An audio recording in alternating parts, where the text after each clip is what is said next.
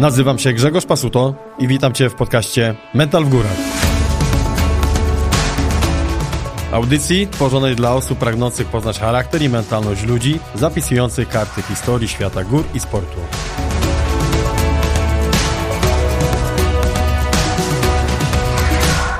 Natalia Rusinowska, trener personalny, właściciel marki odzieżowej dla kobiet Rebel Skin, kocha piękną i estetykę, którą wyraża w fotografii kulinarnej, a w tym roku dla resetu głowy ukończyła GSB. Posłuchajcie jej fascynującej historii. Mental w górach. Grzegorz Pasuto dzisiaj moim i waszym gościem jest Natalia Rusinowska, podróżniczka, miłośniczka, ultra, spinaczka, no i właściciel marki Rebel Skin. Cześć Natalia. No cześć. Dzisiaj y, wspiera mnie tutaj druga część y, Paris Adventure, czyli dzisiaj wspiera nas Adventure. Cześć Magda. Cześć. Y, Okej, okay. przyznamy się szczerze, że nagrywamy tego podcasta już drugi raz, więc Natalia poświęciła sporo, żeby tutaj do nas dotrzeć. No ale nie odpuszczamy, musimy ten musi temat. Się udać się. Musi, się udać. udać musimy ten temat zamknąć. E, Natalia, ty masz wiele pasji. E, podczas ostatniej rozmowy ominąłem paru rzeczy, więc myślę, że e, wyrzucimy z grubej rury. Typowo z grubej rury. Jest za się boję, z czym teraz wyskoczysz. Opowiedz nam, jak to się wydarzyło, że w wieku 19 lat pojechałaś autostopem do Afryki. No, 17 lat miałam. Jeszcze, miałam le nawet jeszcze lepiej. No, Boże, tego pytania się w sumie nie spodziewałam. No, tak się wydarzyło wtedy, że e, padł taki pomysł, że jedziemy do tej Afryki stopem.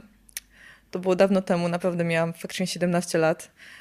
No i spakowałam plecak, e, byłam wtedy z moim byłym facetem i pojechaliśmy sobie na stopa do Afryki. Ludzie mieli zdziwko, jak nas brali gdzieś w okolicy Gliwic na pierwsze stopy, bo mówiliśmy, że jedziemy do Senegalu a potem im dalej w las, tym mieli zdziwko skąd jedziemy, nie? No bo to było faktycznie kawał drogi. A jak w ogóle twoi rodzice zareagowali na, na tę decyzję? Yy, moi rodzice... Yy, jak tak teraz o tym myślę z perspektywy, to nie zareagowali jakoś szczególnie, że tak powiem, nerwowo ani emocjonalnie, tylko powiedzieli okej, okay. chyba nie do końca wierzyli, że to się wydarzy, tak teraz myślę, że to da, mogło Dali stówkę i tak. powiedzieli jedź na razie. No, y, nie miałam wtedy telefonu komórkowego, mm. więc w ogóle ja jak berety, ja bym moich kotów nie puściła w sumie, nie, a no nie miałam z tym problemu, żeby mnie gdzieś tam puścili, więc było, była to fajna przygoda, chociaż z perspektywy myślę, że dużo dość ryzykowałam wtedy, mhm. ale... Ale tak, jak to się udało mówi, się wszystko. szczęście sprzyja lepszym. Tak to udało czasem się, bywa. Udało się i faktycznie było to coś. Ale to nie było tak, że po powrocie zerwałaś? Tak, po powrocie zerwałam. Dokładnie tak było. Nie, czyli Afryka go zweryfikowała. Afryka zweryfikowała, tak. Ja tu jeszcze chętnie bym dopytała, jeśli mogę, y, o tą kwestię rodziców. Czy mhm. Y, podczas Twojego dzieciństwa zawsze miałeś takie pełne wsparcie i otwarcie y, Twoich rodziców i wspierali Cię w Twoich nawet najbardziej szalonych pomysłach? Yy, wiesz co, nie określiłabym tego jako wsparcie. Ciekawe, czy jestem do tego słuchać. Określiłabym to raczej jako bardzo dużą dawkę wolności. Mhm bo nie było w tym jakoś super dużo wsparcia, aczkolwiek nie było zakazów nigdy u mnie, więc na zasadzie trochę rób ta co chce ta, ufamy ci i wiemy, że nic się gdzieś tam złego nie stanie, więc jakby miałam naprawdę potężną dawkę wolności patrząc na to, jak rówieśnicy moi mieli. E, natomiast e, no, nie, nie, nie określałam tego po prostu wsparciem. To było takie bardziej luźne podejście na zasadzie, że okej, okay, jedziesz, no to powodzenia, nie? Czyli pozwalali ci się uczyć na własnych błędach. Tak, tak, dosłownie. No, naprawdę mhm. miałam dużo luzu. A, teraz ja. że będziemy wymiennie krosować będziemy, ten ogień po prostu. Będziemy wymiennie. Y jeszcze jakby kwestie, mm, które troszeczkę pominąłem, ale też specjalnie. Y, mhm. Kwestie jakby twojej przeszłości e, zawodowej e, w przeszłości. Teraz też jeszcze, ale byłaś instruktorem fitness i trenerem personalnym. Mogłabyś nam coś jakby powiedzieć, bo stworzy tak, nam to troszeczkę bazę, bazę pod kątem jakby głównego szlaku beskidzkiego, tak, co tak. dzisiaj jest głównym jakby tematem rozmowy. Jasne. Znaczy, myślę, że cały czas mogę powiedzieć, że jestem jednak tym trenerem personalnym, instruktorem fitness również. E, natomiast w znacznie mniejszym wymiarze godzin niż było to e, w czasach przed pandemią tak naprawdę, bo tutaj to się zweryfikowało dość mocno. E, no, od kilku dobrych lat prowadzę i treningi personalne, i zajęcia grupowe, i, i to są siłowo-wytrzymałościowe zajęcia typu crossfit i typowo takie na sali wytrzymałościowe, mm, jak również prowadzę klientów w, w treningach personalnych. No i cały czas to robię, tylko po prostu no, z racji tego, co się wydarzyło na świecie, to po prostu w momencie, kiedy pozamykali siłownię, część się przyniosła online i tak została, część zrezygnowała. Y, także to się troszeczkę zweryfikowało i gdzieś tam ten punkt ciężkości moich działań takich na co dzień się troszeczkę zmienił, nie? Że jak wcześniej miałam powiedzmy, żebyście widzieli jaka skala, no nie wiem, 25 godzin zajęć grupowych i powiedzmy 30 personalek w tygodniu. Tygodniowo? Tak. To bardzo dużo. Na których ćwiczyłam. Plus To moje myślałam, że treningi. ja kiedyś, bo ja też wywodzę się No, z wiem. fitnessu, e, no to myślałam, że jak 20 poprowadziłam w tygodniu, to już było bardzo dużo. No to teraz zostało mi tego kilka, nie? Kilka godzin zajęć grupowych plus powiedzmy połowa wymiaru tych personalnych co kiedyś, no. Ale Ogólnie, cały czas to robię. ogólnie myślę, że tutaj teraz będzie nie jest największe zagęszczenie trenerów personalnych y, na metr kwadratowy, no bo ja też jestem tak. trenerem. Wszyscy są dzisiaj trenerami Także personalnymi. Dzisiaj wszyscy jesteśmy trenerami, ale to jest też fajne, że ta baza, która jest y, zdobywana poprzez y, ćwiczenia, można powiedzieć, indoor, przekłada się w późniejszym czasie na te wszystkie umiejętności, które robimy po, poza siłownią, nie? że jest jakby takie dążenie do tego, żeby, że potem człowiek jakby otwiera się już na, na zewnątrz, bo już ma dość tego, tego w środku. Nie? Ja Znaczy, tak mnie było miałem. troszeczkę inaczej, bo powiem Ci, że ja wyszłam tak naprawdę z outdooru, Mhm. weszłam w tą siłownię, gdzie zawsze mnie to jednak drażniło, że jestem przy czterech ścianach i naprawdę mega, mega mnie to dużo kosztowało, żeby szczególnie w ładny dzień siedzieć po prostu i, i cisnąć tam na tych sztangach i tak dalej, więc jednak jestem zawsze zdecydowanie out, natomiast to, że robiłam to in, to jest kwestia tak naprawdę zawodu i tego, że zarabiałam kasę.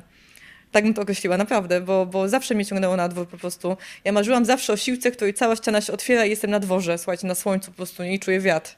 Także ja zdecydowanie jestem indoorowa, jestem out, natomiast to, że gdzieś tam zawodowo przez to przechodziłam i, i musiałam te, lat, te godziny spędzać na salach, czy tam crossfitowych, czy, czy na siłowni, no to jakby była kwestia tego, że idę do pracy, nie? Natomiast sama bym jakby tego, z tego, że uwielbiam ćwiczyć sobie na siłowni, no to bym tego nie zrobiła. Bym sobie prędzej znalazła czepak i się na nim podciągała. A właśnie, żeby pociągnąć ten temat Mhm. jakby outdoor, bo no, chciałbym, żeby ludzie mieli takie przeświadczenie o tobie, bo to jest chyba prawdziwe przeświadczenie, że ty jesteś dosyć szalona.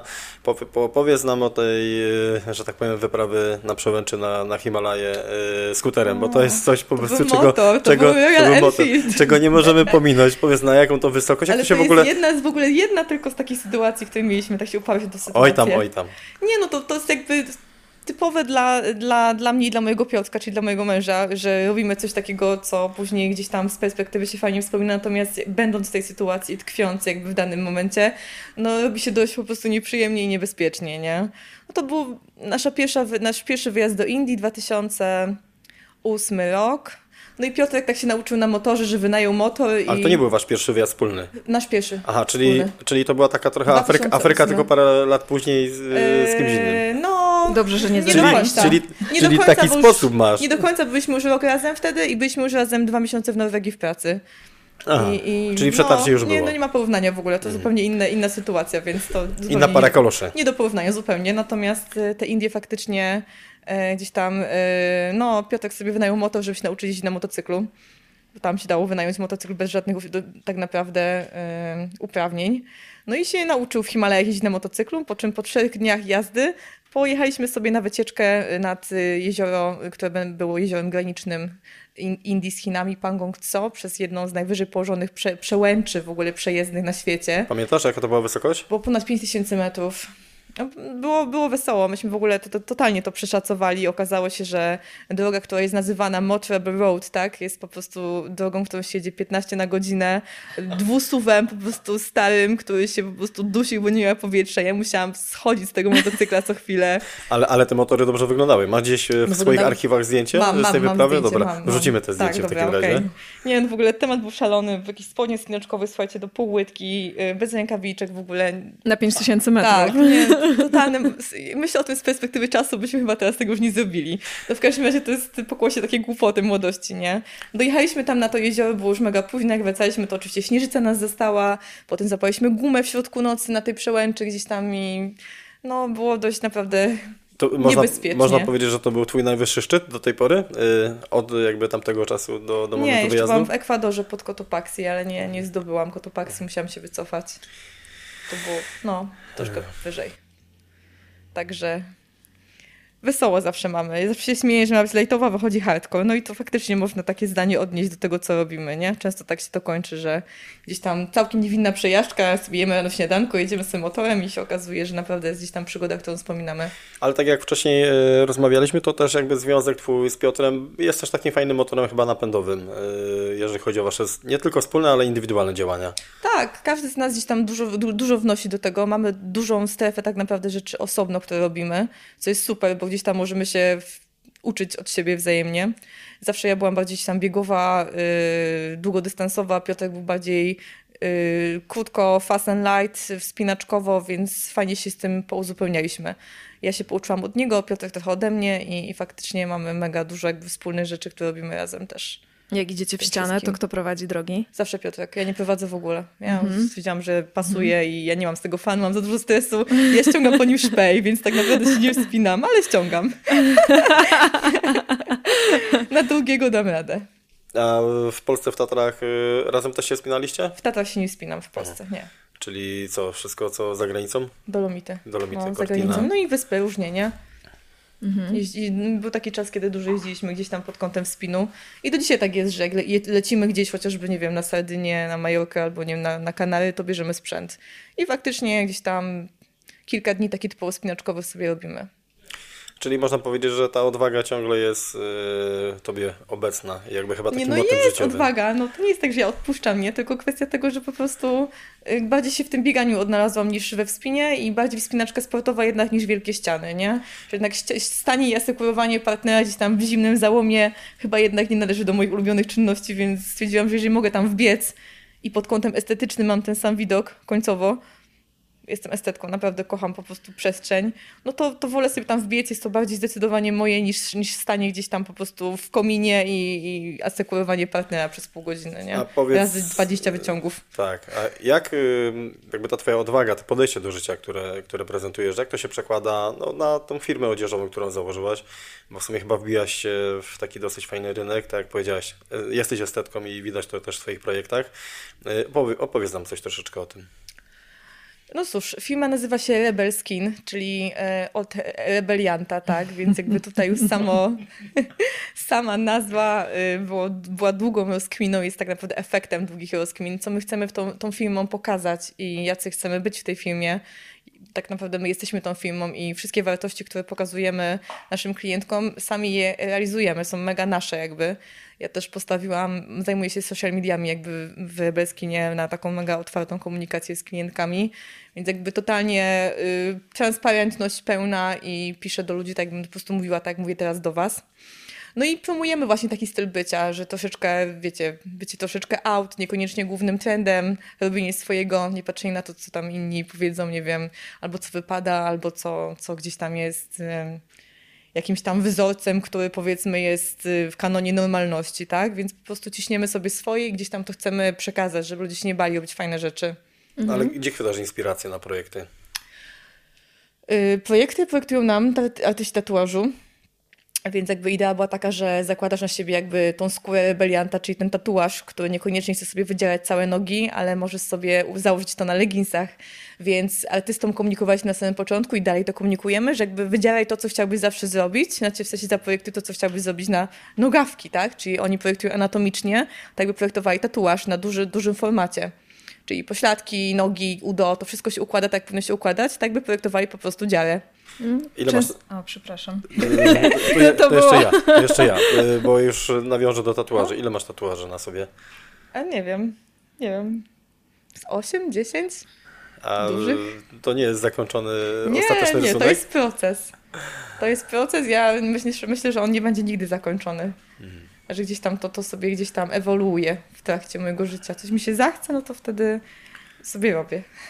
Tak, no ja chciałam zapytać, bo te ubrania są bardzo kolorowe, właśnie motyw kwiatów, y, zwierząt. Y, czy macie jakiś profil klienta, do którego dedykowana jest ta marka? Czy uważasz, że wszystkie kobiety mogą to założyć i świetnie się w tym czuć? Hmm. Wiesz co, y, projekty mamy bardzo różne. Mamy bardzo różne projekty i tak naprawdę każdy artysta ma swój inny styl, nie? Więc jakby się tam gdzieś y, mocno wgłębiła, to faktycznie te, te style y, rysowania, czyli naszego, naszych rzeczy są bardzo różne. Y, bardzo różne mamy klientki, powiem Ci, że no to nie jest jakiś tani produkt, więc wiadomo, że ten profil klienta w jakiś tam sposób się zawęża. Na pewno nie, nie są to wszystkie kobiety. No i też raczej aktywne fizycznie, nie? Raczej, raczej nie takie, które będą po domu w tych leginsach chodzić, tylko gdzieś tam jednak używają dziewczyny, chociaż po domu też chodzą. Nie dziwię im się. To super wygodne. Więc oczywiście, że jest profil klienta, no ale to jest dużo opowiadania jakby o tym, gdzie tam celujemy, natomiast jest dość szeroki. Okej. No, mamy i dziewczyny bardzo młode i spokojnie 50-60-latki, które też noszą z powodzeniem nasze rzeczy i są mega zadowolone. I sesje fotograficzne często są outdoorowe, zauważyłam. Tak, tak, tak. I często jesteś ty. No, z naturalną koleją rzeczy, nie? Gdzieś tam jest to jedyna osoba, która jest pod ręką odpowiedniej płci, Ale bo ty też, e, foto, nie założyć. ty też Natalia fotografujesz, Tak, czyli tak. czy ty nastawiasz sobie samowyzwalacz w Nie, aparacie, nie. stajesz przed Nie, nie, to Czy nie robisz wszystkiego sama? Piotrek robi zazwyczaj Okej. zdjęcia po moim dokładnym instruktażu, którym profilem się ustawiam, tak. No ale właśnie ta pasja fotografowania, to ona też się przejawia w innej dziedzinie. To jest bo- mój zawód kolejny, No właśnie, więc tak. opowiedz nam też coś o tym. E, No jestem fotografem kulinarnym. Zajmuję się fotografią typowo y, kulinarną, czyli y, fotografuję dania w restauracji do menu, y, fotografię też taką, mm, gdzie się wy- wykonuje całe stylizacje jakby od podstaw, czyli dostaję na przykład ciastko i muszę je za, y, zaaranżować y, po prostu i cały kadr tak naprawdę od zera trzeba zaaranżować. No i jakby to zdjęcie to jest efekt końcowy jakby całego szeregu czynności, nie? Czy, czyli to tak jak się mówi, jemy oczami. No, Czyli dokładnie. jakby twoja praca to jest y, skusić mnie na tego croissanta. Tak, Ale ja mi- myślę, że to poczucie estetyki jest tutaj tym takim spinającym. Ale jest teraz jakaś dominująca y, gałąź y, rzeczy, których robisz jakby w sposób y, większy, mniejszy? Tak, czasowo to jest Rebelskin teraz głównie. Natomiast y, był, był czas, to było dobrych kilka lat i to było faktycznie pandemia, to taką mocną linią ukróciła, że jednak to były, powiem wam, szybciutko, na przykład cztery personalki rano, jechałam na sesję, od razu z siłowni, aparat miałam w samochodzie, y, wracałam z, y, z sesji, rzucałam aparat w domu, miałam 40 minut na przepak, zgrywałam zdjęcia na laptopa, jechałam na personalki i grupowe, na przykład dwie grupowe, dwie personalki, dwie grupowe, wracałam do domu, była 22, siadałam do próbki zdjęć. Na szczęście, próbkę. na szczęście chyba Piotrek też jest zajętym człowiekiem i, Tak. i, i nie narzekał. No, no taki był czas po prostu, nie? Więc wtedy miałam sesji i z treningów tak naprawdę prawie 50-50, może z, troszeczkę z przewagą jednak siedzenia na siłce. Ale przy tej ilości zajęć, które, ma, które jakby ty masz, Piotrek ma, y, jak to wpływa na kondycję też waszego związku? Czy macie typowo, y, czy gospodarujecie sobie czas dla siebie, właśnie po to, żeby chwycić No. troszeczkę balansu równowagi? Wyjeżdżamy sześć razy w roku na wakacje. I Nie, to no, jest serio. luksus właśnie, prowadzić swoją firmę. No.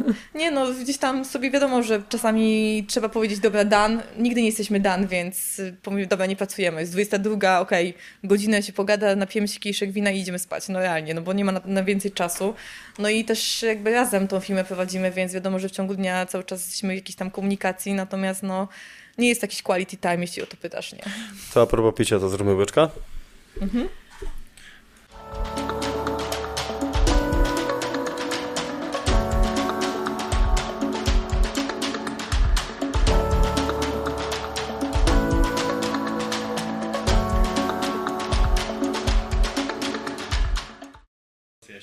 A, bo, bo to jest syndrom braku zaufania do swojego serca, nie? No. Czyli z, z moich bebechów wychodzi, że ja chcę coś zrobić, a mój mózg zaczyna mnie sabotować, I, nie? i, mm.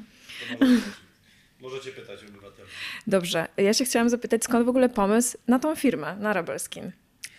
Okej, e, no pomysł też powstał tak dość taki mega jakby naturalny i intuicyjny sposób, bo e, miałam wcześniej z Piotrkiem również e, inny biznes, mieliśmy knajpę w centrum Katowic, którą sprzedaliśmy w 2016 roku, jakby markę sprzedaliśmy, no a to, że zawsze byliśmy gdzieś tam w kierunku własnego i swojego i na swoich warunkach, nie na żadnych innych warunkach, no to szukałam jakby przestrzeni na to, co można by innego jeszcze zrobić. No i pomysł wpadł totalnie przypadkiem na wyjeździe.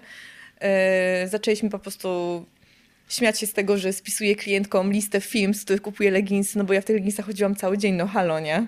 Wiecie, tyle godzin na siłce, cały czas musiałam jakieś gacie mieć na dupie jednak i chciałam w miarę tym wyglądać, więc wyszukiwałam jakieś coś ciekawszego, jakieś, no nie było aż wtedy aż takich ciekawych marek na rynku, no ale starałam się coś mieć innego niż klasyczne, już nie będą tutaj filmami. Niż inne. No, niż dokładnie. Czyli, czyli ty jednak lubisz się wyróżniać. I bardzo tak, dobrze. Tak, trochę tak. No, myślę, że gdzieś tam jakaś taka naturalna tendencja jest. No i co? No i śmialiśmy się, że kurczę, że reklamuję, robię reklamę tylu filmom, w ogóle tyle klientów się mnie pyta, co ja to na tej dupie mam, nie? No i mówię, kurde, przecież ja to mogę zrobić swoją markę, zróbmy, co będziemy reklamować czyjąś, nie? Mhm. No i jakby od słowa do słowa powstał pomysł. Pamiętam, jak dzisiaj byliśmy w hotelu pod Krakowem, e, na Wspinie właśnie też, że po prostu okej, okay, no to jedziemy z firmą odzieżową. Nic na ten temat nie wiedzieliśmy, totalnie. Zero. No i tak powstał pomysł i gdzieś tam powolutku zaczęliśmy to realizować. I rok jakby minął samego w ogóle takiego prepu, czysto dzwonienia po szwalniach i w ogóle mm -hmm. szukania jakiegoś, wiecie, żeby się zorientować w ogóle z czym to się je i jak się w ogóle do tego zabrać, nie? Jak nie wiesz nic i nagle musisz wiedzieć wszystko. No to jest masakra, no ale udało się. Ale gdy cię słucham, to wydaje mi się, że to nie będzie ostatni szalony pomysł w swoim wykonaniu. Ja myślę, że następnym będzie ta siłownia z tym outdoorową przestrzenią, no e, o której mówiła Natalia. myśli o tym, że tak się otwiera cała ściana i jest pach na dworzystym. Ale tutaj jest y, to, co właśnie mówię fajnie teraz na Skarpie w Bytomiu, że jest y, zewnętrzna ścianka, prawda? Bytom jest super. Tak, tak, tak. pozdrawiamy, pozdrawiamy no. Skarpę. No. Tak. E, dobra, e, to teraz wrzucamy trochę mięsa, jak ja to mówię, bo główny temat, główny szlak Beskidzki. E, w trakcie, w tym roku przeszłaś, można powiedzieć tak, w tym roku jeszcze przeszłaś główny mm -hmm. szlak Beskidzki, ja go robiłem w tamtym roku. Wiele dziewczyn po drodze mijałem, zawsze ciekawiło mi, mnie, co tam w głowie tym dziewczynom świta, że postanowiły zrobić coś takiego i o dziwo właśnie bardzo dużo kobiet robiło go samodzielnie. Więc może powiesz nam troszeczkę o tym pomyśle, chyba, że tutaj Adventure ma coś do dodania. tak, bo ja tutaj muszę dodać, że ja się dzisiaj wprosiłam na to spotkanie, bo chcę zadać Natalii kilka pytań z perspektywy osoby, która chce ten szlak mm. przejść. E, dlatego dzisiaj tak niewinnie tutaj wprosiłam się jako trzecia. Ja, ja jestem dzisiaj zapiętaszka. e, no więc jak tak ładnie Grzesiek już nawiązał do to idei w ogóle tego głównego szlaku Beskidzkiego, to dlaczego? No właśnie, to jest dobre pytanie, bo ja wiedziałam, że to jest, że to istnieje, że jest ten czerwony szlak, natomiast nigdy gdzieś tam o tym głębiej nie, nie czytałam, nie interesowałam się. E, natomiast w zeszłym roku e, żona naszego przyjaciela, nasza przyjaciółka w sumie też, e, przeszła sobie ten szlak zupełnie jakby. Ja byłam zaskoczona, mówię, o, Aneta, idzie główny szlak beskidzki i zaczęłam się interesować, jakby co to jest i też czytałam Anetki posty. Pozdrawiam Anetkę z tego miejsca. Także yy, zobaczyłam, że to jest, że to jest do przejścia, zaczęłam sobie patrzeć ile to jest kilometrów i sobie pomyślałam, dobra, to sobie też przejdę w przyszłym roku, to może być fajne. A jakby przez to, że to jest taki długodystansowy szlak, w sumie pierwszy mój taki szlak, na pewno nie ostatni, no to pomyślałam sobie też, że weźcie miała okazję, żeby się wyhasać do porządku, bo zawsze mam poczucie niedosytu, że jakoś tak mało mi tych kilometrów mhm. i mam ochotę robić coraz dłuższe dystanse i tak sobie pomyślałam, że jak te 500 zrobię, to będę wyhasana. Ale nie, jednak nie jesteś jeszcze wyhasana. Masz tam coś w głowie dalej. Nie, no, no nie, chyba nie będę nigdy wyhasana. Chociaż, chociaż mm, na GSB byłam wyhasana. W którym momencie byłaś najbardziej wyhasana? Ym, no, byłam cały GSB wyhasana. Cieszyłam się, że mamy restowy dzień, czyli tam jedna dwudziestka wpadła w takich dłuższych przelotach i byłam super happy, że nie muszę już zapierdalać dłużej tego dnia. Także wyhasałam się. Ale ty chyba w ogóle jesteś samotnikiem w górach. Tak, tak. Y, to nie było też taka trochę metoda na reset y, tych ilości zajęć, które ma, masz na co dzień? No bo tych Oj, tematów była, rebelski była. to co mówisz, fotografia, jeszcze personalka, no. E, trenowanie, to czy to też nie był taki właśnie wyjście pod kątem trochę się wyresetować, nabrać inspiracji? Ja ci powiem wam, że bardzo często jeździłam sama w górę i zazwyczaj było tak, że po prostu na zasadzie nie, nie mówcie do mnie, po prostu dajcie mi być samą, bo faktycznie jest dużo tego miałam, dużo miałam, miałam za dużo ludzi jakby na co dzień i czułam, że jest tego faktycznie takie, takie przeciążenie, wiecie, nawet najfajniejsze rzeczy są już no, męczące, jak się robi tego za dużo, nie? A faktycznie brałam na klatę wszystko, co, co można było brać. Mm, no i tak, y, faktycznie zawsze miałam y, takie poczucie, że jak jestem sama, to mamy eset. Natomiast y, też dochodzi inna kwestia, że jak jestem sama, to fokusuję się na zupełnie innych rzeczach.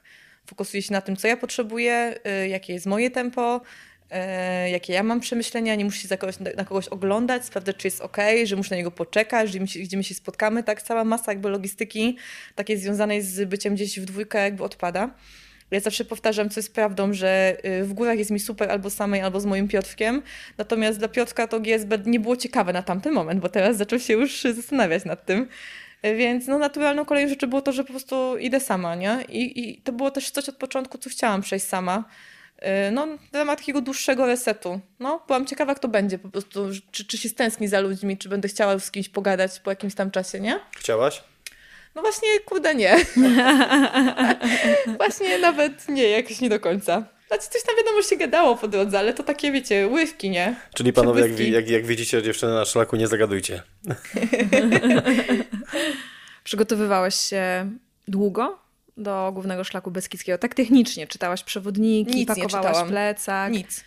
Ani nie przeczytałam strony przewodnika, ani jednej relacji, nikogo. No tak, czyli ahoj przygodo. Aha, ja totalnie przygoda. tego nie chciałam. Rebel. Ale doświadczenie, tak naprawdę twoje, tak naprawdę, przepraszam was, że używam słowa tak naprawdę, tak naprawdę dużo. E, Ale y, biorąc pod uwagę twoje wcześniejsze doświadczenie, to można powiedzieć, że ty byłeś przygotowana, bo przecież kortina, spinaczka, No, wędrówki. Tak. Znaczy ja się czułam przygotowana, w sensie nawet za bardzo się czułam przygotowana. Nie, nie spodziewałam się, że w ogóle żadnego problemu takie, takiego, wiecie, jeśli chodzi o jakby fizyczny aspekt tego szlaku. E, No jednak cały czas ćwiczę, nie? Non-stop, więc to, czy sobie tam pójdę... Wydawało mi się naprawdę, że te 30-40 parę kilometrów dziennie szlakiem z nie za ciężkim plecakiem, gdzieś tam przy jakichś tam zbiegach od czasu do czasu nie będzie problemem dla mnie. No i nie byłoby jakby nie kontuzja, ale pewnie o tym za chwilę. Natomiast y, czy się przygotowywałam jakoś y, specjalnie do GSB, no to jedynie zrobiłam sobie jedną dniówkę, na której sobie poanalizowałam palcem po mapie przysłowiowym, jakie mniej więcej odcinki mogę sobie tam przyjąć i gdzie mniej więcej będę spać. Czyli to było mm, mm, 35, mm, może jeszcze 7, 42, okej, to 42, okej, to 45, okej, to 39. No i gdzieś tam z, tego, z, tej, z tej dniówki wyszedł mi jakiś ogólny plan, że będzie to 15 dni. Mhm.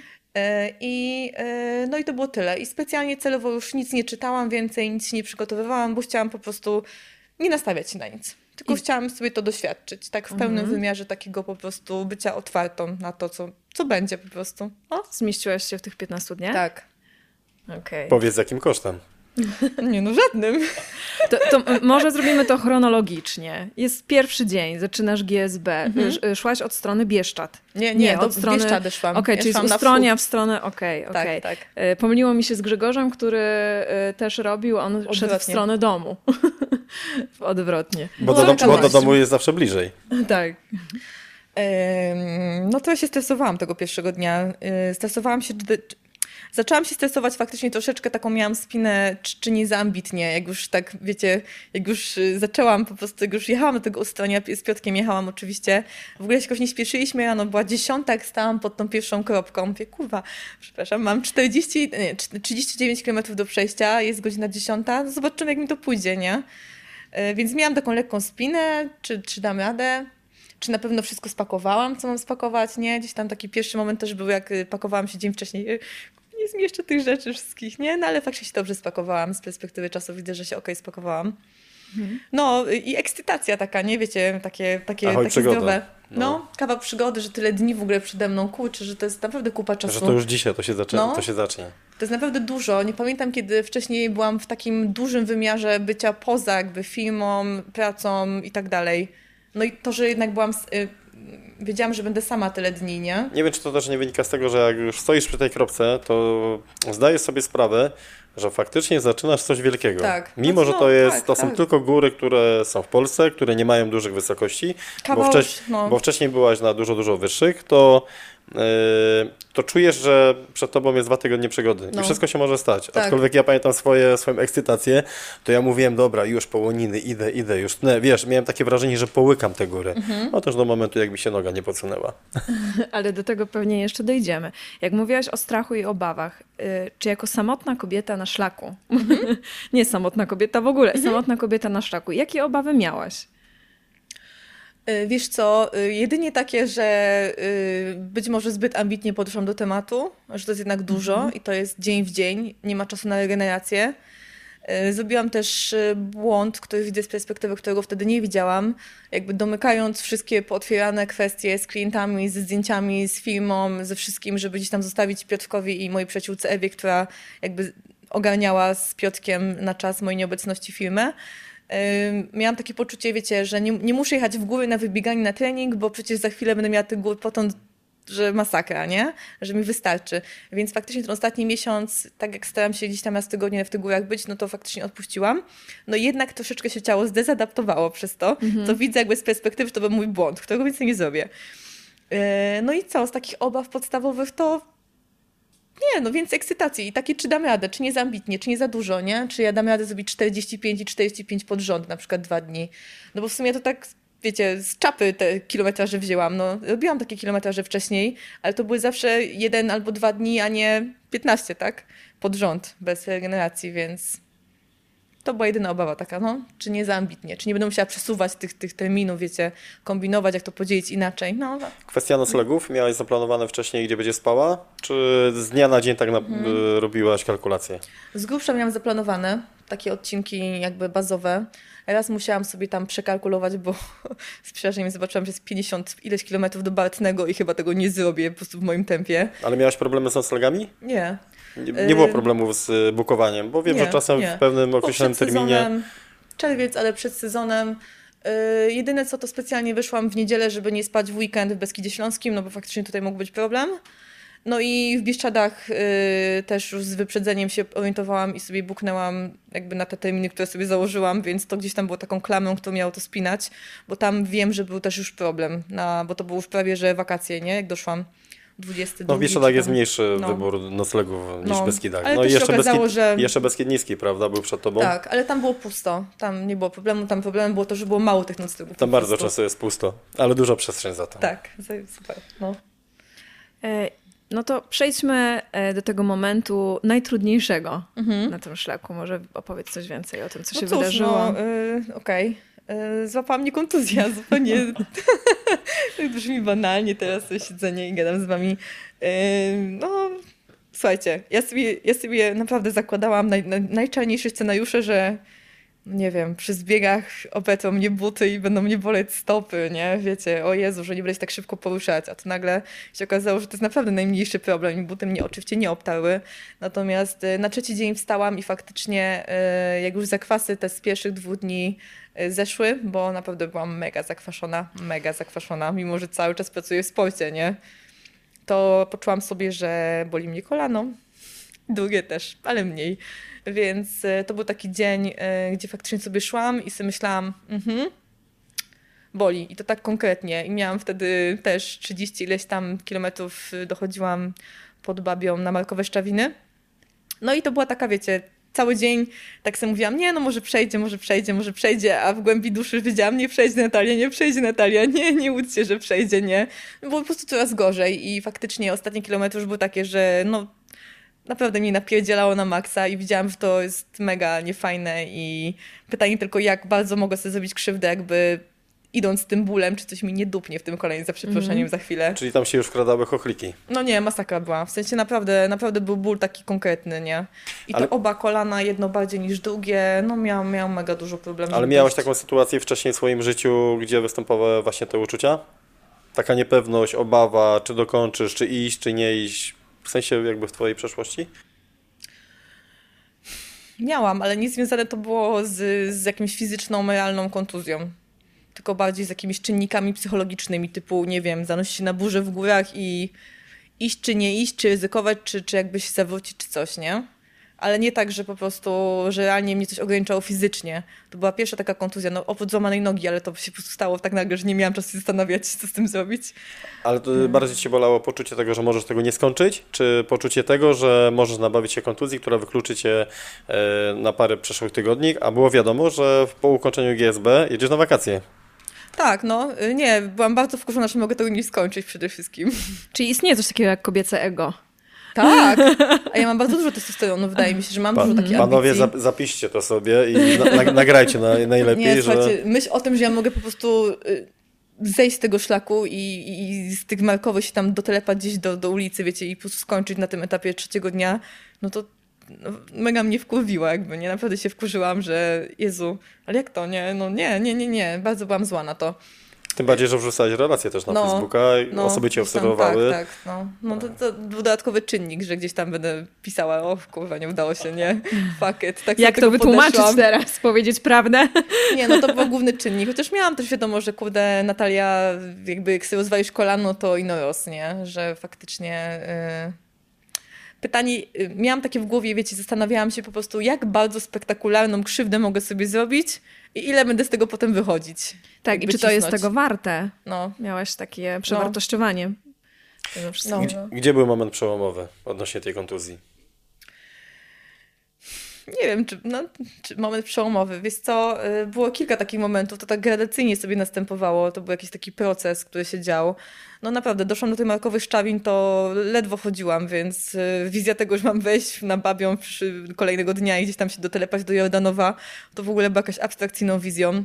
Natomiast y, była konsultacja przez telefon z moim fizjo i, i z Piotkiem oczywiście na zasadzie, że kudę, chyba nie chodzę i chyba jest problem.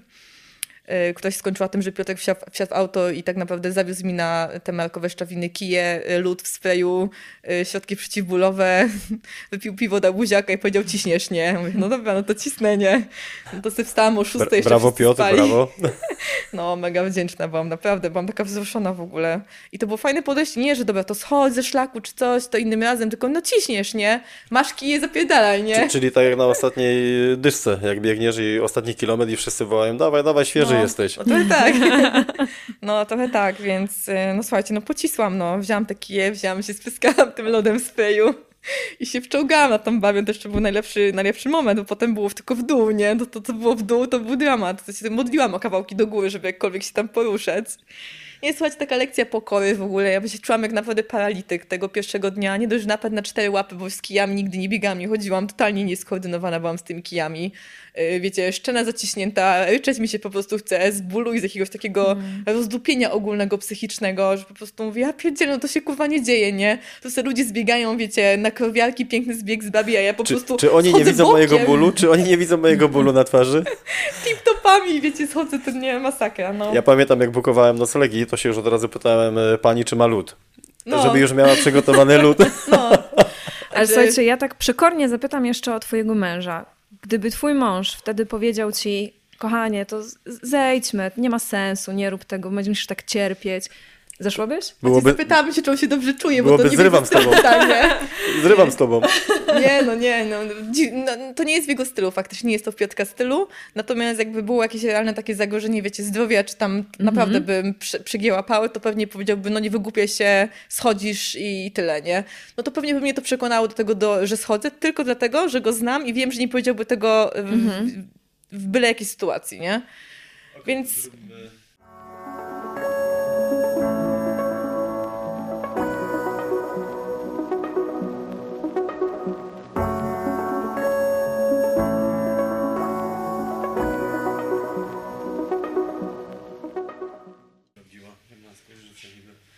Że, że facet mówi kobiecie, wierzy w nią, mówi ciśnij, dasz radę, no. nie? no, tak. Tak. To sobie cisłam z takim przekonaniem, że no dobra, no to zobaczymy, nie? W sensie, że pocisnę jeden dzień i potem Dobra, może drugi. nie musimy nawiązać. No, No dobra. no dobra. A, okej, okej. No, co się stało dalej już? Wychodzisz z tego schroniska, No i sobie cisnę, nie? Jak mogę. No i to był taki naprawdę dzień największego kryzysu, bo był też najświeższy, jakby, no mega mnie to bolało, było faktycznie wszystko jeszcze na świeżości. Yy, No i też poruszałam się naprawdę w katastrofalnie wolnym tempie i po prostu gdzieś tam w tym wszystkim, yy, wiecie, w tym płaczu i zaciśniętej szczęce i tym, że jest w ogóle do dupy. Jeszcze kołatałam myśl, Natalia, no w takim tempie to ty do dupy dojdziesz, a nie w Bieszczady, po prostu, bo realnie mi się czasówka nie zepnie, wiecie o co chodzi, bo człowiek sobie zakłada coś, że sobie będę robić, nie wiem, te 40 km powiedzmy w 7 godzin i to z zapasem i z luzem i z obiadkiem w schronisku, a nagle poruszam się w takim tempie, że po prostu no tip-topami można, mogłabym chyba szybciej iść. I po prostu mówię, ja pierdzielę, jak wcześniej muszę wyjść, jak długo muszę iść, żeby w ogóle tak kuśtykając gdziekolwiek dojść, nie? Więc pamiętam, jak cię na hali korpowej po prostu zobaczyłam, to jest godzina i to był mój pierwszy posiłek wtedy tego dnia, bo nawet mi się jeść nie chciało z tego w ogóle, z tej załamki. Jak chlipałam Piotrkowi do pomidorówki, że kurwa jest 14, ja idę od 6 i dopiero tam doszłam i jeszcze mam kolejną połowę kilometrów, tak? Czy kolejne 17 do Jordanowa i po prostu do dupy dojdę w takim tempie. On zjedz, zjedz, odpocznij i ciśniesz, nie? No tam dowlekłam do tego Jordanowa. Poszłam spać, no i gdzieś tam jak pisałam posta ludziom, to pamiętam, że miałam takie poczucie, że no dobra, wstanę rano, jak nie będzie gorzej, na zasadzie sprawdzamy stan powłoki, kolano boli, boli, ale boli gorzej. No nie, gorzej nie boli, nie? No to pryskamy lodem i ciśniemy. A to, że to był profil trasy cały czas w górę kolejnego dnia, to stwierdziłam, że mam szansę na ten turbacz realnie dość. A co będzie potem, to się będę martwić kolejnego dnia. No i tak generalnie chyba mi się wtedy przekliknęło, że idę jeden dzień. Mhm. A co będzie potem, to we'll see, nie? Zobaczymy. Ale Jordanów chyba jest kluczowy, bo ja pamiętam z własnego doświadczenia, też na Jordanowie wychodziło mi chyba około 40 km. No i szukałem noclegu i miałem tam nocleg. I wchodzę do Jordanowa i oczywiście Google Maps odpalam, jeszcze oprócz tego mapa turystyczna i patrzę, że jeszcze mam do noclegu jakieś 2,5 km i z tego jeszcze... Asfaltem już nie? Asfaltem i pod górkę no. jeszcze. I ja mówię, o mój Boże, muszę tam iść, ale pamiętam, że po drodze był sklep spożywczy, więc kupiłem męski napój, i, i, I, już, sobie już, i już sobie szedłem raźniej, już było lepiej. No. E, czy był e, moment, w którym już wiedziałaś, że, że zrobisz to? Bałam się o tym myśleć w ten sposób mm -hmm. bardzo długo. Ale tak, yy, znaczy, nawet w czasie tej kontuzji pomyślałam sobie, że jeżeli dojdę w Bieszczady, to to już zrobię. No to, to już no, nie było opcji. To choć mm -hmm. się miała przeczołgać przez te połoniny, no kurna. Wiesz, totalnie y, musiałam już to zrobić, to tak. A tak realnie to y, nie wiem już teraz w który dzień, ale no codziennie jakby y, gdzieś tam to ciało się adaptowało też do tego wysiłku. Te kolana sobie po prostu przypuchły i w jakiś sposób ten stan zapalny się po prostu nie powiększał, nie, nie schodził, ale też się nie powiększał, więc e, przyzwyczaiłam się do tego bólu w jakiś sposób też. No i nauczyłam się też chodzić z tymi kijami, też nauczyłam się chodzić tak, żeby jak najmniej to kolano, że tak powiem, yy, bodźcować, tak, mm -hmm. negatywnie, więc... Mm -hmm. no był taki moment, pamiętam, może w Beskidzie Niskim już był, że tak pomyślałam sobie, że może, może damy radę tym moim żółwim tempem nawet to przejść, nie? Mimo wszystkiego i że to, się, że to się może udać, mimo tego, że naprawdę w to wątpiłam w pewnym momencie. W sensie na zasadzie, że realnie nie wiedziałam, czy to się uda. Po prostu miałam taki czas, że ktoś mi pisał, wiecie, na Facebooku, nie? Że dasz radę, dasz radę, dasz radę. Ja tak, no nie wiem, czy dam radę. Naprawdę, kurde, nie wiem, nie? Pierwszy raz w życiu realnie nie wiem, czy dam radę. No nie wiedziałam tego. Ja myślę, że to będą być taka seria filmików. Natalia trzeci dzień, Natalia bierze lód i tylko daje na kolano. Natalia czwarty dzień, już od kostki do biodra. Na, Natalia szósty dzień, cała już nie, no, psika cię mocznie z głową. Z, z takich anegdotek z lodem, to, to ja kupowałam, co była apteka po drodze, to tak no wielki, taki największą puszkę tego lodu w sprayu, więc y, plecak tam po prostu wciskałam tam do tego zapakowanego plecaka i na końcu, jak już w Bieszczadach Piotrek po mnie przyjechał i rozpakowuje ten plecak, on mówi, Jezu, taki wielki lód, nie mieli mniejszego w aptece. A ja tak, kotek, to jest piąty. I to jest na jeden dzień. Słuchajcie, ja miałam pytać o wyposażenie plecaka, ale jedną część już mamy no, w takim razie. Lód, lód, lód doszedł. Sprayu. Tak. Także lód sprayu jest kluczowy, naprawdę kluczowy. Hmm. E, ostatni odcinek, jak wspominasz? I skąd i dokąd? Znaczy dokąd to wiadomo, skąd i ile miał kilometrów? Krótki, bo tyle mi tylko zostało. W Bieszczadach te przyloty były stosunkowo krótkie. Y, po, mm, połoninki te z talnicą na koniec, czyli mhm kurczę, gdzie to wychodziłam? Wracałam do Wołosatego, a wychodziłam z Ustrzyk, tak? Dobrze pamiętam. Tak, ale ten ostatni odcinek no. jest najbardziej niebezpieczny pod kątem pogody, bo ja często widziałem osoby, które kończyły szlak Beskidzki właśnie w Bieszczadach. Mhm. E, wiemy, że to są tereny narażone na działanie burz i no, na, Zbierała się burza Tak, w trakcie burzy nie jest to bezpieczny mhm. teren i naprawdę widziałem no. kilka momentów, gdzie ja uciekałem e, z Połonin, a osoby mówiły, muszę, muszę, to ostatni dzień, no. muszę iść. E, była była burza faktycznie, jak już byłam na tej drodze z, do tego takiej długiej, tej ciągnącej się, to faktycznie była burza nad Talnicą i, i miałam to na uwadze. Natomiast y, ta końcówka była taka... Y, to było ciekawe, jak się zderzają wyobrażenia o pewnej rzeczy, co sobie wyobrażamy, tak, będąc przed, czy tam planując pewne rzeczy, z tym, co się potem w rzeczywistości dzieje mm. z tobą, nie? Y, spotkałam na szlaku taką Gosię, z którą tak naprawdę żeśmy ostatni, teraz ja przejęłam twój tak naprawdę, ostatni kawałek, że szłyśmy razem, tak wyszło po prostu. I, i szliśmy ten ostatni kawałek w klapkach, bo już ściągnęłyśmy buty i było w ogóle strasznie śmiesznie, bo ona też mówiła, że ona sobie wyobrażała, że ona będzie lizać tą kropkę gdzieś tam w jakieś fanfary. Moja ty, moja ty. I super jebki cały czas. Szampan, No. prosecco, A tak. z drugiej strony, że tam nikogo przecież nie będzie, nikt nie będzie czekać, bo jak nie będzie czekać, mój Piotrek będzie czekać, nie? No i w ogóle strasznie było po prostu tak, tak, tak, tak, tak śmiesznie, że to już koniec. A z drugiej strony było mi trochę smutno, że to już koniec. Z trzeciej strony byłam jakby wzruszona, że kurczę dałam radę i że tyle dni i w ogóle. Także mega się dużo rzeczy kołatało tak pod czaszką, nie? Tak, tak naprawdę. Taki, tak te myśli się przewalały w tej i we w te, no. A było, Taki tak, dość mocny było tak, moment. że kończyłaś i mówiłaś, okej, to jednak udało się, to za rok y, coś mocniejszego? Czy tylko nastawiłaś się na końcóweczkę? A nie no, ja już w trakcie planowałam kolejne. Wymiatacz, Już bez tych wymiatacz. błędów, które zrobiłam tym razem. I James Grover powiedziałby, że Natalia to jest wymiatacz. Nie, no nie, nie, nie, zupełnie nie miałam tak, że robię to i koniec. Już myślałam, co kolejne będzie. Tak, tak, to zdecydowanie i cały czas myślę. Na pewno będzie główny szlak sudecki w przyszłym roku. Ale też kusi mnie Kamino, chociaż zupełnie inny profil szlaku, nie? Ale to będę musiała się wyrwać wtedy na dłużej. A ten sudecki sam? Co? Ten sudecki szlak, y, koniecznie sam? Czy sama w chce, następ, tak? tak, w następnym roku. No teraz, jak będzie 2000... Nie, nie, mówię, czy koniecznie sama jakby będzie szła, Sama. czy... czy... Czyli nie, y, panowie nie piszcie. Nie, słuchajcie, y, Piotrek też chce go pójść, ten szlak sudecki i strasznie się śmiejemy z tego, bo jak mówimy, że idziemy główny szlak sudecki i wszyscy pytają razem, mówię nie osobno. W przeciwnym kierunku, widzicie, spotkacie się po środku. Nie. A kto film ma będzie się zajmować? Piotrek idzie, ja po niego jadę i potem on bierze auto, wraca do domu, a ja idę. Y, Proszę wysyłać CV-kę na, y, na konto Natalii. Taki jest plan.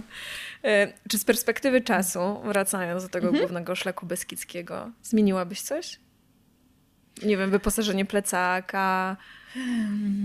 Koszulkę. No, nie odpuszczałabym treningów biegowych przed samym wyjściem. E, Może bym, mm, może bym jednak e, dała sobie te pierwsze dwa dni troszkę krótsze dystanse, żeby się zaadaptować jednak do ciężaru, który mimo wszystko jest te 8-9 kg, bo miałam plecak 8-9 kg mniej więcej. Jednak jest to dużo większy ciężar niż z plecakiem biegowym na co dzień na treningach, no bo plecaczek biegowy to jest ile 2,5, tak? Z pełnymi wodami, więc y, jest to jednak no przy mojej masie ciała znaczny procent jednak mimo wszystko masy, nie? Wagi. Panowie, Mhm. spełnia wasze marzenie, jaka masa ciała? No nie, nie jest tajemnica. Tak na 50 mi Około wyglądasz. 60 kilo. No. Czyli mięsień, mięsień. Tak. tak, Mięsień, to sam, tak zawsze sam mięsień. Zresztą, zresztą na, na sloganach reklamowych i na, na stronie twojej Rebelskin, no to tam tak naprawdę widać ten poziom tłuszczu i, i umieśnienia, więc polecam. Poziom tłuszczu. Jakiego Polecam. tłuszczu?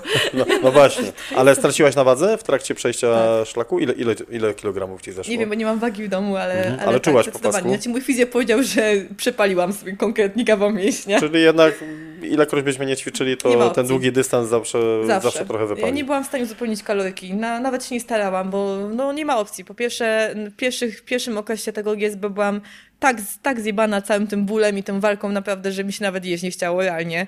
Więc jadłam tyle, żeby tylko jakoś jakkolwiek po prostu ogarnąć temat. Natomiast y, potem już wpierdzielałam całkiem konkretne ilości. Gdzieś tam to było wieczorami głównie po przejściu gdzieś do, do jakiejś bazy. E, No i to, to się wsysało po prostu jak w piec metaboliczny. Czułam, że ja naprawdę jadam taką ilość rzeczy i po godzinie idę spać, jestem już głodna, nie? Więc e, nie ma opcji, żeby to uzupełnić i nie, nie, nie stracić. Także dobra opcja, jak ktoś chce się odchudzić, to polecam GSB.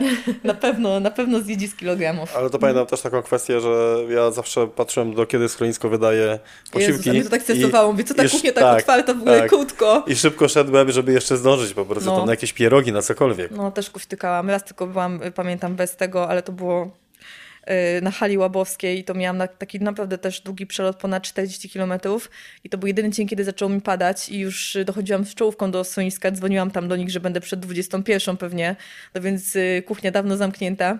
Natomiast pani bardzo miła, która mi wydawała kluczyk, w ogóle zaczęło lać w tym schronisku, mówi, a pani pewnie taka głodna, nie? Ja mówię, no, chociaż piwo mogę dostać? A ona mówi, no, dam Czyli oczy piwo. Tak, tak co z Zostało trochę pomidorowej. Ona nic nie ma, ale mogę pani usmażyć naleśniki. Ja mówię, to chociaż z serem, że jakieś białko było, nie? I te naleśniki z serem, słuchajcie, z tym piwem, po prostu sztos. jednak nie wyplenisz dietetyka. Ale e, powiedziałaś, że nie masz w domu wagi. Nie co mam. jest... No, znaczy myślę, że jesteś szczęśliwą kobietą w tym momencie, że tej wagi nie masz. Ale patrząc na to, jaki jest twój zawód, e, trener personalny, instruktor fitness, Jak ty traktujesz swoje ciało? Y, w takim sensie, czy mhm. patrzysz na to, że masz ABS, nie wiem, wykonujesz jakieś ćwiczenia siłowe, żeby wzmocnić swój mięsień dwugłowy, czworogłowy? Mhm. Czy... E, no tak, no wiadomo, że tak. Natomiast e, teraz jest na tak intuicyjnym poziomie już, że po prostu nie nazywałabym tego w taki sposób. Mhm. Po prostu y, traktuję swoje ciało jako gdzieś tam. Y, hmm, jak to powiedzieć najlepiej? ma Narzędzie? być funkcjonalne dla mnie. Mhm. Ma być funkcjonalne, ma mi pozwalać robić to, co chcę robić, ma mnie nie ograniczać i jakby przez to stałem się jednak o nie dbać, no bo masz to ciało, które masz, tak? Nie, jakby nie zmienisz go, więc y, pod tym kątem jak najbardziej. Natomiast mam za sobą już etap liczenia kalorii, robienia różnych eksperymentów dietetycznych, budowanie masy, redukcję. Tak naprawdę lata, lata y, sobie eksperymentowałam na sobie, żeby zobaczyć, jak to jest budować daną, dane mięśnie, tak, yy, targetować gdzieś tam w treningu. Teraz tego już de facto nie robię, tylko utrzymuję taki stan, jaki jest. Stosunkowo łatwo mi to przychodzi, więc ani liczę kalorii, ani tak naprawdę specjalnie nie, nie dbam o dietę, przyznaję. Yy, jem bardziej intuicyjnie, ale myślę, że mogę sobie na to pozwolić na tym etapie po prostu. Po prostu. Że... Ja myślę, że to jest kwestia nawyków, no. które nabrałaś na podstawie poprzednich no, lat. Dokładnie, to się tak zinternalizowało, że po prostu automatycznie wybieram pewien rodzaj jedzenia, odrzucam inny rodzaj jedzenia, chociaż no no, to pewnie to jest, tak, pewnie tak. to jest na takiej samej zasadzie, że jak ja nakładam na talerz już po iluś tam latach kulturystyki, to ja już wiem, ile tam jest węglowodanów. Jak już no, wiem, że tu, tak, to... tyle łyżek ryżu, to tam będzie tyle węglowodanów, jak tyle wezmę twarogu czy kurczaczka, to tyle będzie białka. Dokładnie. I to już z Mniej więcej wychodzi. wiem, co mi się będzie spinało w jakieś tam, powiedzmy, makro, które jest rozsądne, a co nie. Natomiast pozwalam sobie i na jakieś tam wino, i na piwko, i na pizzkę czasami, więc jakby normalnie, takie zdrowe podejście. Aczkolwiek mhm. faktycznie ja mogę sobie na to pozwolić, bo jestem zdrowa, tak, jestem jakby suplementuję cały czas i witaminę D, i probiotyki i tak dalej, więc jakby mam całą świadomość tego, że to ciało ma mi służyć, mam nie chorować i mam zapierdzielać, jak chcę to robić. Ja widziałem, że dzisiaj dałaś na Facebooku yy, reklamę ciasteczka, jakiejś cukierni. Zdjęcie babeczek. Yy, to, to jest moje ładne. zdjęcie kulinarne. Bardzo, jadłaś te ciasteczko, bo, Oczywiście, wygląda, bo wyglądało tak. w domu. I to jest, i to jest zdrowe. Czyli Piotrek ma się dobrze, musi uważać. Piotr nie lubi słodyczy. O, Rozdaję te ciastka. Biedny. Chcecie? Chętnie jesteście? Jasne, tak? no Dobra, chętnie. będę dzwonić, gdy miała zapas. Rób formę z Rebel Skin. No. Czy my musimy zrobić przerwę, czy ja mogę dalej lecieć z pytaniami? Można dalej, pani prezes. e, jeszcze z takich technicznych mhm. e, rzeczy. Co miałaś w plecaku? Lód. Oprócz lodu. Oprócz lodu. E, co miałam w plecaku? E, dobra, no to tak. Spakowałam się, wydaje mi się, dobrze z perspektywy. Jedyne, co mi się nie przydało, to była y, alumata, bo przygotowałam się na to, że być może będzie sytuacja, kiedy nie będę miała miejsca mm -hmm. do mhm. spania, więc będę mm -hmm. spała na glebie. Natomiast takiej sytuacji nie było. Więc to jest jedyna rzecz, którą nosiłam niepotrzebną. Ale mm -hmm. to mhm. była mega leciutka sama alumata, więc trudno. No tak. Kolejny razem nie wezmę. No miałam cienki śpiworek puchowy, yy, kamizelkę puchową na wieczory, no i yy, softa, też mhm. takiego ultralight jedną koszulkę termiczną z długim, dwie z krótkim na bazę, komplet dwa bielizny, e, buty, jedne na nogach, drugie do samym Piotrek paczkomatem mój stary z dziurawe. No i klapeczki potem. Co? Klapeczki potem. No japonki też miałam, takie leciutkie. Czołówkę, mm, jak wiadomo, zestawy plastów, to uzupełniałam na bieżąco, w razie czego, tak, gdzieś tam zawsze były. E, z kosmetyku totalna baza, czyli małe próbki, takie jednorazówki, mm -hmm. tylko miałam jakiś żel typu 4 w jednym, taki naprawdę 50 ml. Zazwyczaj w Solińska gdzieś tam były jakieś mydła w płynie, więc sobie korzystałam z tego. Um, Krem z filtrem? No, też taki mikro, mikro mm -hmm, mały mm -hmm, też był. Mhm. E, krem z filtrem był. Co tam jeszcze? Jakieś nakrycie głowy, czapki? No, czapkę z daszkiem na głowę miałam. Skarpety uciskowe? Mm, normalne, nie wiem. Normalne. Takie, takie dobieg zwykłe dobiegania okay. po prostu. Mm -hmm. Bez mm -hmm. takiego cudowania pod tym kątem.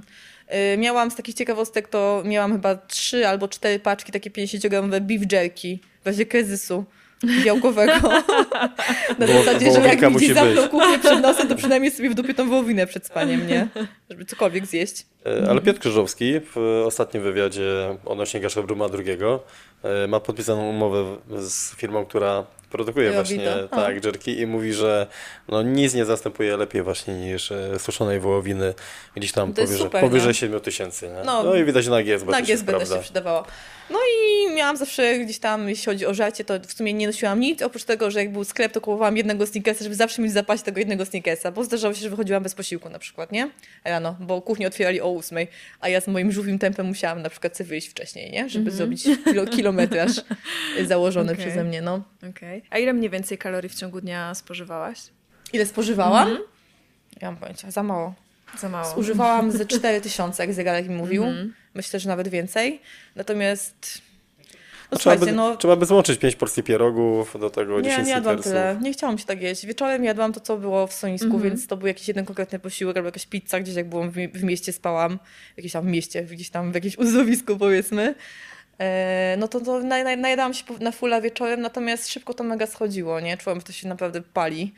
E, no to no naprawdę nie A było to wychodziłaś na czczo, czy jakieś takie Często. delikatne śniadanko typu baton? ja Często miałem, ja wychodziłam miałem często kawę i baton. Często chodziłam na czczo, na zasadzie, że cisnę ile mogę i będę głodna, to zjem w trasie.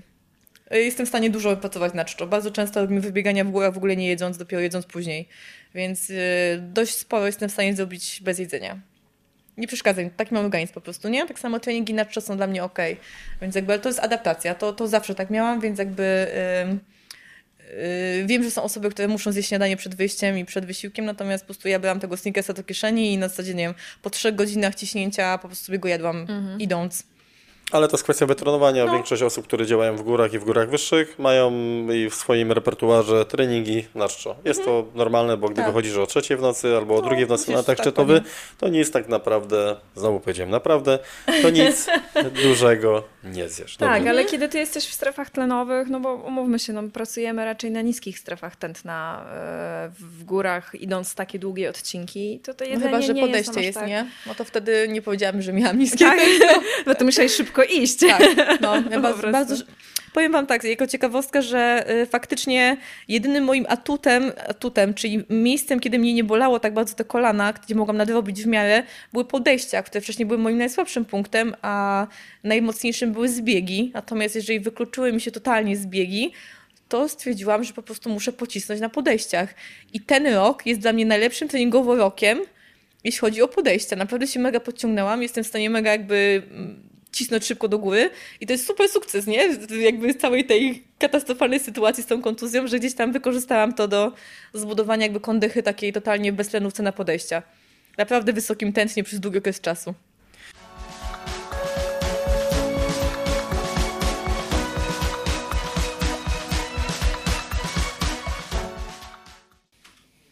E, Jesteś bardzo sprawna fizycznie, lubisz wyzwania, e, kilometraż nie jest jakiś bardzo duży, nie jest dla ciebie dużym wyzwaniem. E, Nie startujesz w zawodach. Nie, Dlaczego? bo nie lubię ludzi. Z tego samego powodu, dla którego chodzę sama po górach, to jest proste. Okej, Czyli... Jak mam do wyboru pusty szlak i szlak z innymi zawodnikami, no to halo, ale zawsze wybiorę pusty szlak.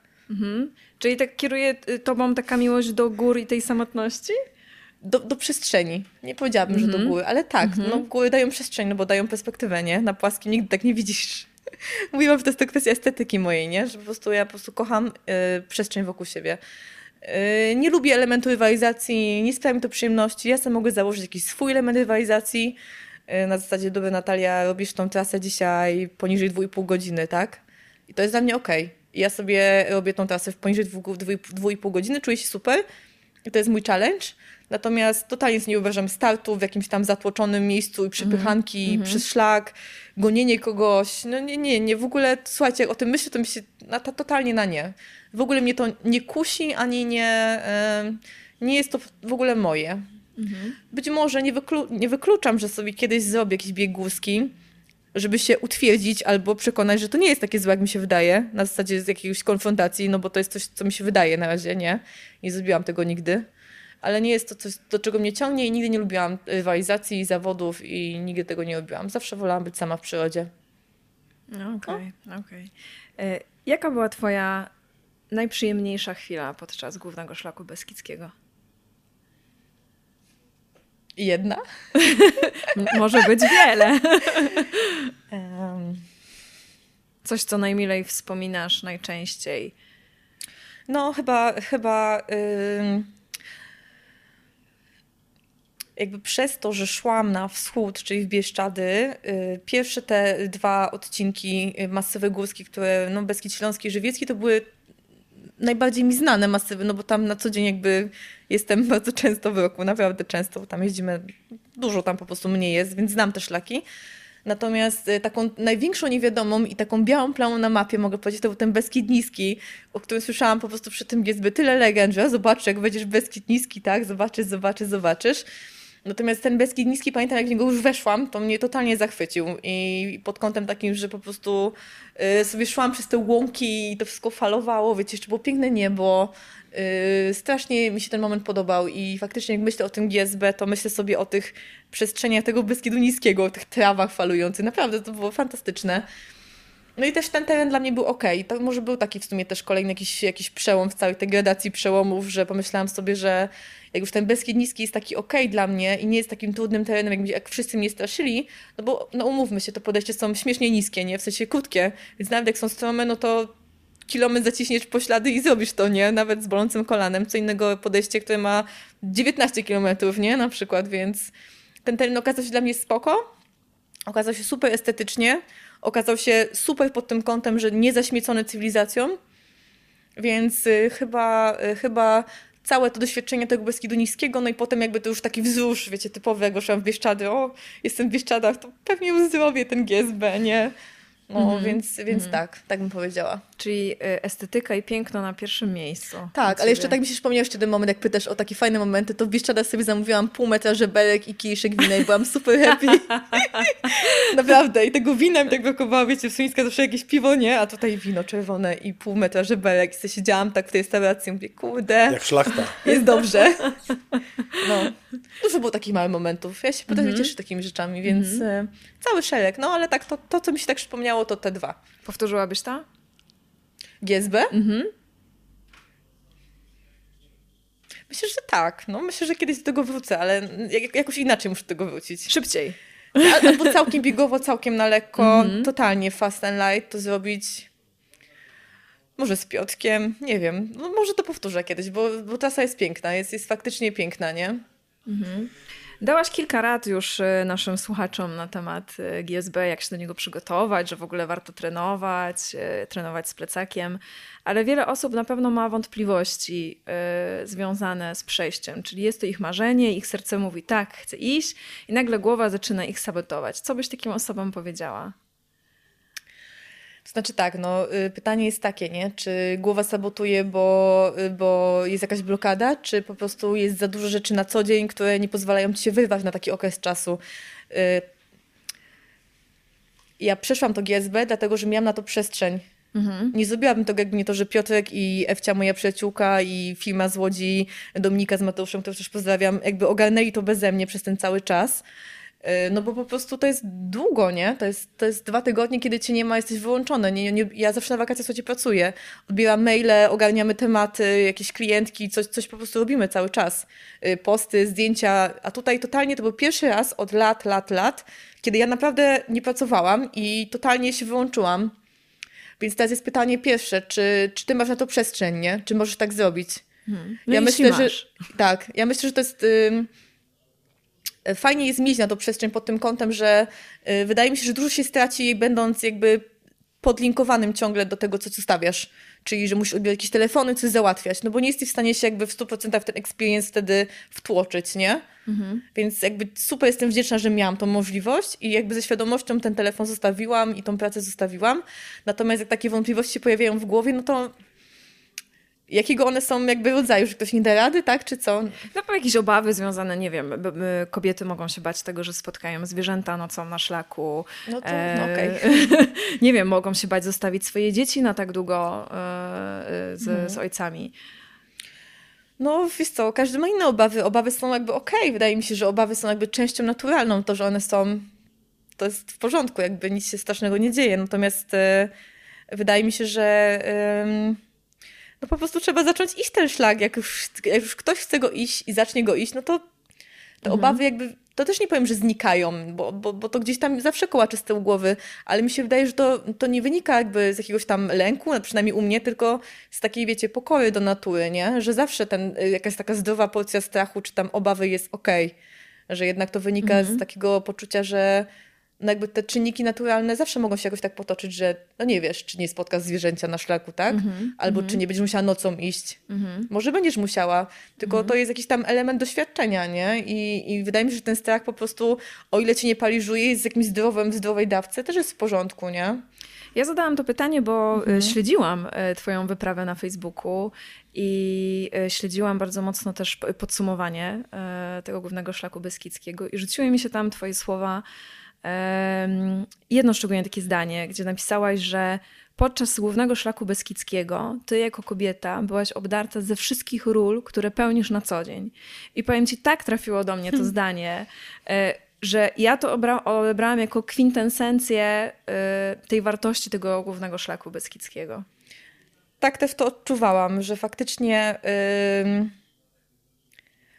no jakby człowiek jest y, kobieta, nie kobieta. Mężczyzna myślę, że będzie miał podobnie. Przynajmniej tak mi się wydaje, że tu nie ma takich dużych różnic jakościowych. Natomiast jakby y, fakt, że y, człowiek tam jest sam tyle dni w naturze i z jakimiś tam swoimi y, sam ze sobą po prostu, sam ze sobą, tak? Jesteś po prostu sama ze sobą tyle dni i nie ma jakby nic, co tutaj rozprasza. No i faktycznie gdzieś dochodzi się do takiego poczucia, że jakby zaczynasz czuć tą istotę rzeczy, nie? Że zaczyna się zbliżać do tej kwintesencji jakby siebie, no bo nie mhm. mamy czasu na co dzień się zastanawiać nad tym, jaką ty jesteś osobą. Jaką ty jesteś osobą, nie? Co ty chcesz, co ty czujesz, co ty chcesz zrobić. Jesteśmy w jednej, drugiej, trzeciej, czwartej, piątej, dziesiątej roli i zapierdalamy w tych rolach, nie? A ty jesteś na szlaku, jesteś sobą i czujesz, że jesteś sobą, jesteś jakąś konkretną osobą i to jest super odkrywcze w ogóle. To jest naprawdę... Tak, to odarcie z ról i takie faktycznie zostawienie wszystkiego jest, jest, jest mega fajne i wydaje mi się, że to jest y, coś, co jakby zostaje na mega długo z tobą. Na pewno jest to bardzo rozwojowe. No i tak, no. Czyli było tak. warto. No ja jak już się tak wprosiłam dzisiaj do e, tej audycji, e, no ja bardzo dziękuję. E, ta rozmowa była dla mnie mhm. przydatna i mam nadzieję, że dla naszych słuchaczy, tudzież widzów również. Grzesiu, oddaję Ci głos. Dziękuję. Jeszcze jakieś pytania? Nie, ja myślę, że ostatnie zdanie, które mm, wypowiedziałaś jest takim całkowitym podsumowaniem nie mhm. tylko e, szlaku beskidzkiego, ale chyba całej ciebie. E, także dziękuję także za spotkanie. Mam nadzieję, że dla wszystkich osób było to inspirujące spotkanie. Też mam taką nadzieję. E, I polecam, naprawdę. I jestem pewien, jestem pewien, że będziesz jeszcze naszym gościem. Także moim i waszym gościem była Natalia Rusinowska. Dziękuję. Bardzo dziękuję. Pozdrawiam. Dziękuję Wam za wysłuchanie tego inspirującego podcastu. Wiem, czasowo była to tylko szybka dyszka natomiast Natalia jest bardzo zabieganą osobą, ale na pewno będzie jeszcze naszym gościem. Dziewczyny, polecam Wam zajrzeć na stronę Rebelskin. Tam na pewno znajdziecie coś dla siebie. Natomiast na stronie Kulinarne Podróże odkryjecie poczucie piękna i estetyki Natalii. Partnerami podcastu są Paris Adventure oraz sklep górski www.exposklep.pl, który ma swoje siedziby również w Będzinie i w Bielsku Białej.